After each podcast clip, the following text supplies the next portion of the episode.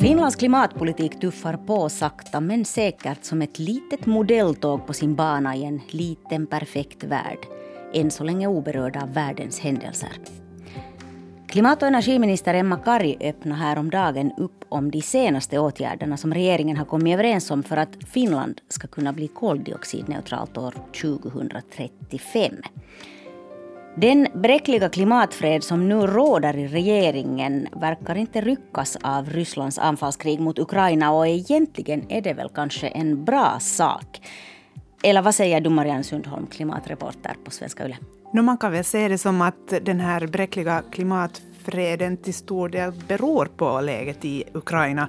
Hela Europa har fått helt nya prioriteringar och en av dem är att fasa ut de fossila bränslena. Mm.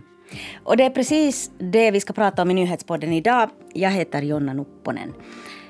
Regeringen har alltså precis tagit beslut om hur Finland eh, ska klara av att eh, få ner utsläppen från trafik, lantbruk och uppvärmning. Det här kallas för ansvarsfördelningssektorn. Och de här utsläppen ska ner till år 2030 enligt EUs krav. Klimatåtgärderna skärps något var väl kanske ungefär Emma Karis viktigaste budskap eh, när hon la fram de här nya åtgärderna. Eh, Marianne, vad är den bästa nyheten som hon kom med enligt dig? Nu är väl den bästa nyheten ändå att de faktiskt kom överens, att regeringen är enig kring det här.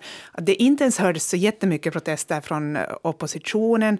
Finland är på väg mot klimatneutralitet 2035 och visst är det ju ändå en stor sak. Mm.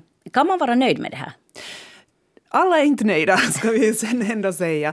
Uh, dels alltså uh, var ju nog kraven från experterna inför det här var, var liksom uh, hårdare än, än vad besluten nu sen landar i. Mm. Uh, och sen miljöorganisationerna har nog en hel del kritik, framförallt för att uh, det fortfarande inte liksom finns tillräckligt konkreta åtgärder om trafiken och jordbruket. Det är sånt lite krafsande på ytan då, mm. eller? Ja, och igen det här att man har mål om, om att utsläppen ska ner, men, men de här konkreta liksom, åtgärderna för att nå de här målen, alltså låter vänta på sig. Det finns planer, det, det, finns liksom enighet om att det ska nås, men, men hur Processer det ska ske. och arbetsgrupper mm, och sånt här. Strategier. Så det. Men det var ju egentligen meningen att man skulle komma överens om de här nedskärningarna redan på hösten under budgetförhandlingarna. Mm. Men då blev det så stort gräl mellan de gröna och Centern att det inte gick att lösa. Vi kanske minns att Sanna Marin vandrade ut från budgetförhandlingarna och sa att nu har, vi, nu har jag lämnat de här bråkstakarna här och lösa det här sinsemellan. Eh, att de måste, de måste komma någon vart och, och det gjorde de ju då inte. Men man kom i alla fall då överens om en klausul, det vill säga att man skulle vänta på expertbedömningar eh, om regeringens åtgärder är tillräckliga och så skulle de då komma med sin bedömning och så skulle man ta nya beslut. Och nu har de ju kommit med sin bedömning för en månad sedan ungefär, är det så? Ja. ja. Och det har inte varit någon särskilt nådig bedömning som experterna kom med. Va, va, vad sa de? No, de, eh, alltså Finlands klimatpanel sa att det behövs skärpningar för en eh, miljon ton koldioxidekvivalenter. De här forskningsinstituten var, hade lite lägre kvar, äh, krav, alltså mm. ungefär 0,2 megaton, vilket de facto är det man nu har kommit överens om egentligen.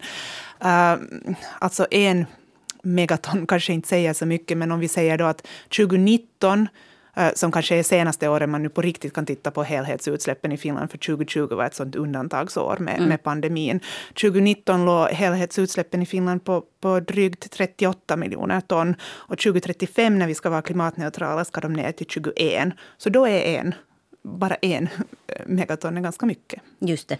Men det är ganska lång väg dit ännu. Det är lång väg dit och som sagt, vi är på väg. Eh, hur, hur väl skulle du säga att regeringen nu har lyssnat på forskarna och, och, deras kritik? De säger ju själva att de absolut har lyssnat. Och, och det var ju det som det här grälet handlade om i höstas. Alltså det fanns en osäkerhet i de här siffrorna och var man nu... Det är ju liksom en jättelång lista med, med små skärpningar här och där. 0,1 megaton här, 0,2 där och 0,7 här. Och, och, det fanns liksom enligt de gröna och vänsterförbundet då alldeles för mycket osäkerhet i de här siffrorna och därför ville man ha den här expertbedömningen. Och den har nu kommit då av, av Naturresursinstitutet och, och så vidare. Ha, har man nu liksom de är ju liksom nu anpassade enligt rekommendationerna från de här forskningsinstituten. Så jo, regeringen har rätt när de säger att, att de eh, går enligt eh, experternas bedömning. Däremot finns det ju nog, har funnits liksom signaler om att åtgärderna borde vara ännu skarpare än så här. Hur långt har regeringen egentligen kommit nu, skulle du säga? Alltså, en, en del av bedömningarna i fredags handlar ju om det att, att eh, nu har man kanske kommit ganska långt med de mål som man har ställt upp hittills. Men att läge läget nu med till exempel då krisen i Ukraina eh, bara är ett så totalt annat och att det kräver liksom ännu mera insatser på, på många fronter och, och gör allting svårare och att målen kanske då borde skärpas ytterligare. Mm. Det har kommit in liksom nya faktorer på något sätt i den här ekvationen som man inte behövde räkna med riktigt tidigare. Men de gamla problemen de kvarstår ju fortfarande. Eh, var är de största problemen? Trafiken, jordbruket? Är det, de här det är nog fortfarande de två. Ja. Mm. Trafiken därför att den består, alltså så jättemycket av våra utsläpp består av transportsektorn, alltså en femtedel och, och, och, där är liksom hälften av dem är personbilarna. Så det är liksom jättestora siffror det handlar om när vi talar om trafiken. Jordbruket därför att utsläppen inte alls har minskat där. Alltså när de utsläppen som hör till EUs utsläppshandel, energin, energiproduktionen, industrin, de har minskat jättebra och minskar varje år. Uh, jordbruket minskar knappt alls och, och, där behövs det mera insatser. Och, och, det är ju förstås svårt sen när vi samtidigt går in i ett läge där det är jättemycket större fokus på självförsörjning. Hur låter kritiken mot de åtgärder man nu hittills har gjort för trafiken och jordbruket?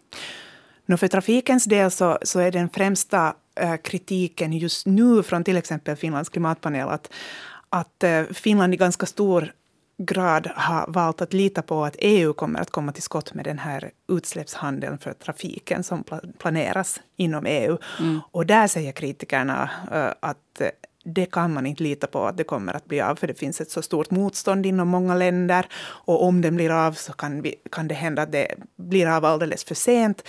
Det har funnits då planer på en, på en nationell utsläppshandel för trafiken och den sa klimatpanelen i sitt utlåtande nu att den måste finnas kvar och fortsätta förberedas. Och, och, det finns den ju nu. Den har inte plockats bort från så att säga, verktygsbacken. Vad handlar det om? alltså? Att man ska man plocka från en sektor och ge åt en annan och hålla på med sådant trixande fram och tillbaka? Eller vad är det det handlar om? No, I Kalifornien har de gått in för det här. Och det handlar ju om att uh, företagen i sig ska kompensera för sina alltså utsläpparen ska betala där, där blir det helt enkelt så att de firmor som orsakar mycket utsläpp ska betala för det och pengarna går till förnybar energi och förnybara lösningar. Till exempel från bensin till elbilar helt enkelt. Och då, då liksom räknas det som att det blir mer rättvist för konsumenterna för det, liksom, det är inte de själva som, som eh, ska styra, eh, styra trafikutsläppen med sina val utan det blir faktiskt eh, ansvaret läggs på företagen.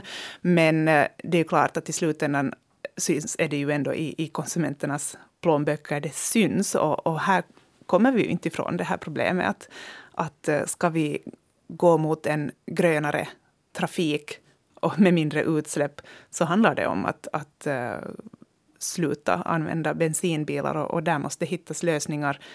Nu är ju förstås många synnerligen motiverade att göra det här själva också när priset går upp av andra orsaker. Mm. Finansminister Annika Saarikko gick ut i helgen och sa att vi måste vänja oss vid tanken på att vår levnadsstandard sjunker. Mm. Varför säger hon det just nu? budgetförhandlingar på kommande.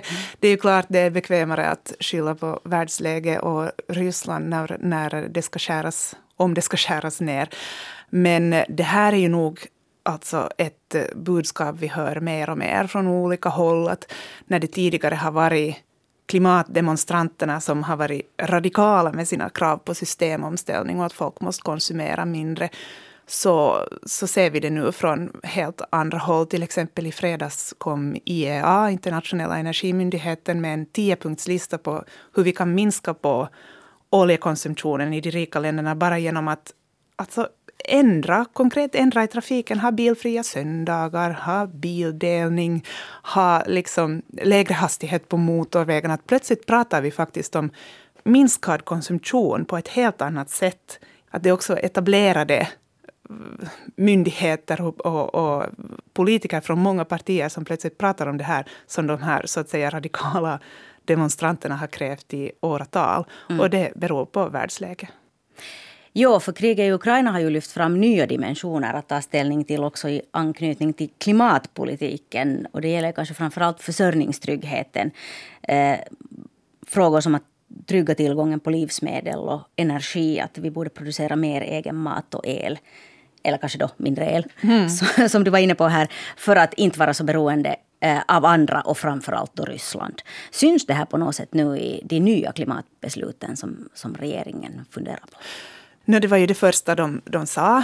Emma-Kari sa på det här infot i fredags om klimatåtgärderna att nu ställer världsläge helt nya krav på den gröna omställningen. Och, att, och, och det, har liksom, det är ju liksom ett budskap som har förts fram nu aktivt av de gröna, men också resten av regeringen de senaste veckorna, skulle säga, kanske lite för att bädda för det här också, att, att nu är inte liksom läge om att gräla om att uh, vi har för höga klimatambitioner och klimatmål, för det finns liksom också andra och till och med mer akuta orsaker att göra den här omställningen snabbare.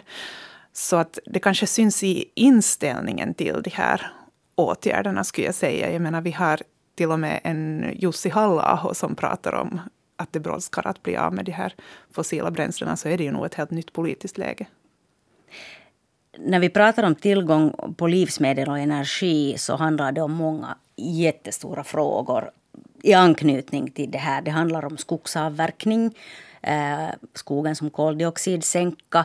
Eh, ska vi börja hugga mer eftersom vi inte nu kan hämta virke från Ryssland? Det handlar om då den här oljan och gasen som vi också redan har lite pratat om eh, och beroende av Ryssland där. Det handlar om kärnkraftsbygge i Hanhikivi där en stor ägare är rysk. Eh, det handlar om hela konstgödselimporten från mm. Ryssland. Om vi, om vi inte får in gödsel till våra åkrar, hur blir det med våra skördar? Hur blir det då med, med matförsörjningen? Men Marianne, vi kan kanske inte tala om allt det här, för då blir vi aldrig av med den här podden, den blir aldrig färdig. Mm, vad skulle du säga att är det svåraste av de här frågorna för regeringen? Eller politiskt kanske? Så. det svåraste är ju nog kanske det där att det finns inte liksom en magisk lösning här. Och det är ju därför det blir så också svårt att förstå vad de håller på med. Det är så himla många olika klimatplaner, klimatstrategier som pågår och, och på många olika nivåer. Uh, det behöver liksom minskas här och där och, och, och finns inte liksom en stor lösning vi kan ta till. Uh, och därför måste vi kanske vänja oss vid, vid alla möjliga sådana här förkortningar som KAISO, vad de nu alla heter, de här olika klimatplanerna och energiutredningarna. Ja, och, och, det är ju det att det, det är liksom på inget sätt slut nu med att det här beslutet om klimatåtgärderna i fredags kom. Det händer jättemycket mer ännu i vår. Vi har en ny energistrategi på kommande. Vi har en ny klimatplan för markanvändningssektorn, det vill säga uttryckligen jordbruk och skogsbruk. Vi har inom EU eh, stora diskussioner på kommande om biodiversitetsstrategi och, och skydd av eh, naturområden, om skogen. Eh, alltså, den här diskussionen sker på jättemånga olika plan och det ska den ju göra. Men, men eh, sen när det handlar om att faktiskt fatta konkreta beslut om till exempel hur distributionsskyldigheten ska se ut. Inom, alltså ska vi, hur mycket ska vi höja andelen biobränsle i, i bensinen, vilket gör, påverkar priset också. Det så, mm. så här har vi nog mycket att, att vänta på i våren. Och det, det är jättemycket på gång och det är svårt att få den där helhetsbilden. Mm. Och nu då med den här nya säkerhetspolitiska aspekten så hur tror du att kriget i Ukraina kommer att påverka eh, klimatpolitiken framåt? Emma-Kari nämnde det när hon la fram de här nya åtgärderna. Eh, men det lät nu mera som prat. Mm.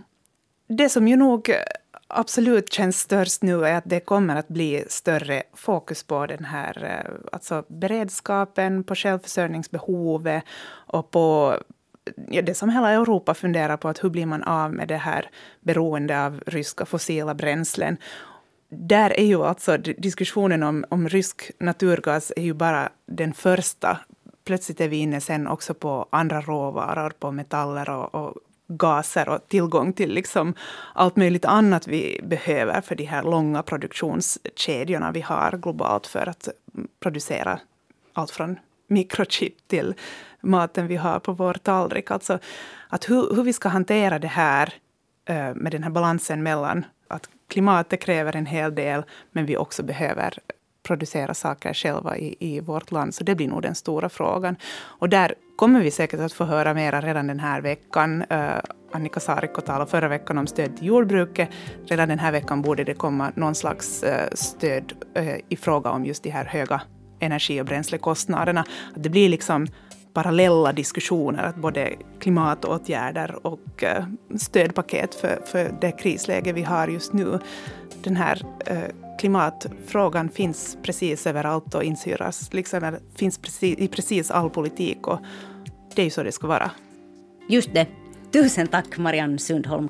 Det här var nyhetspodden från svenska YLE. Mitt namn är Jonna Nupponen. Producent Ami Lassila, tekniken sköttes av Staffan Sundqvist. Fortsätt lyssna på oss. thank you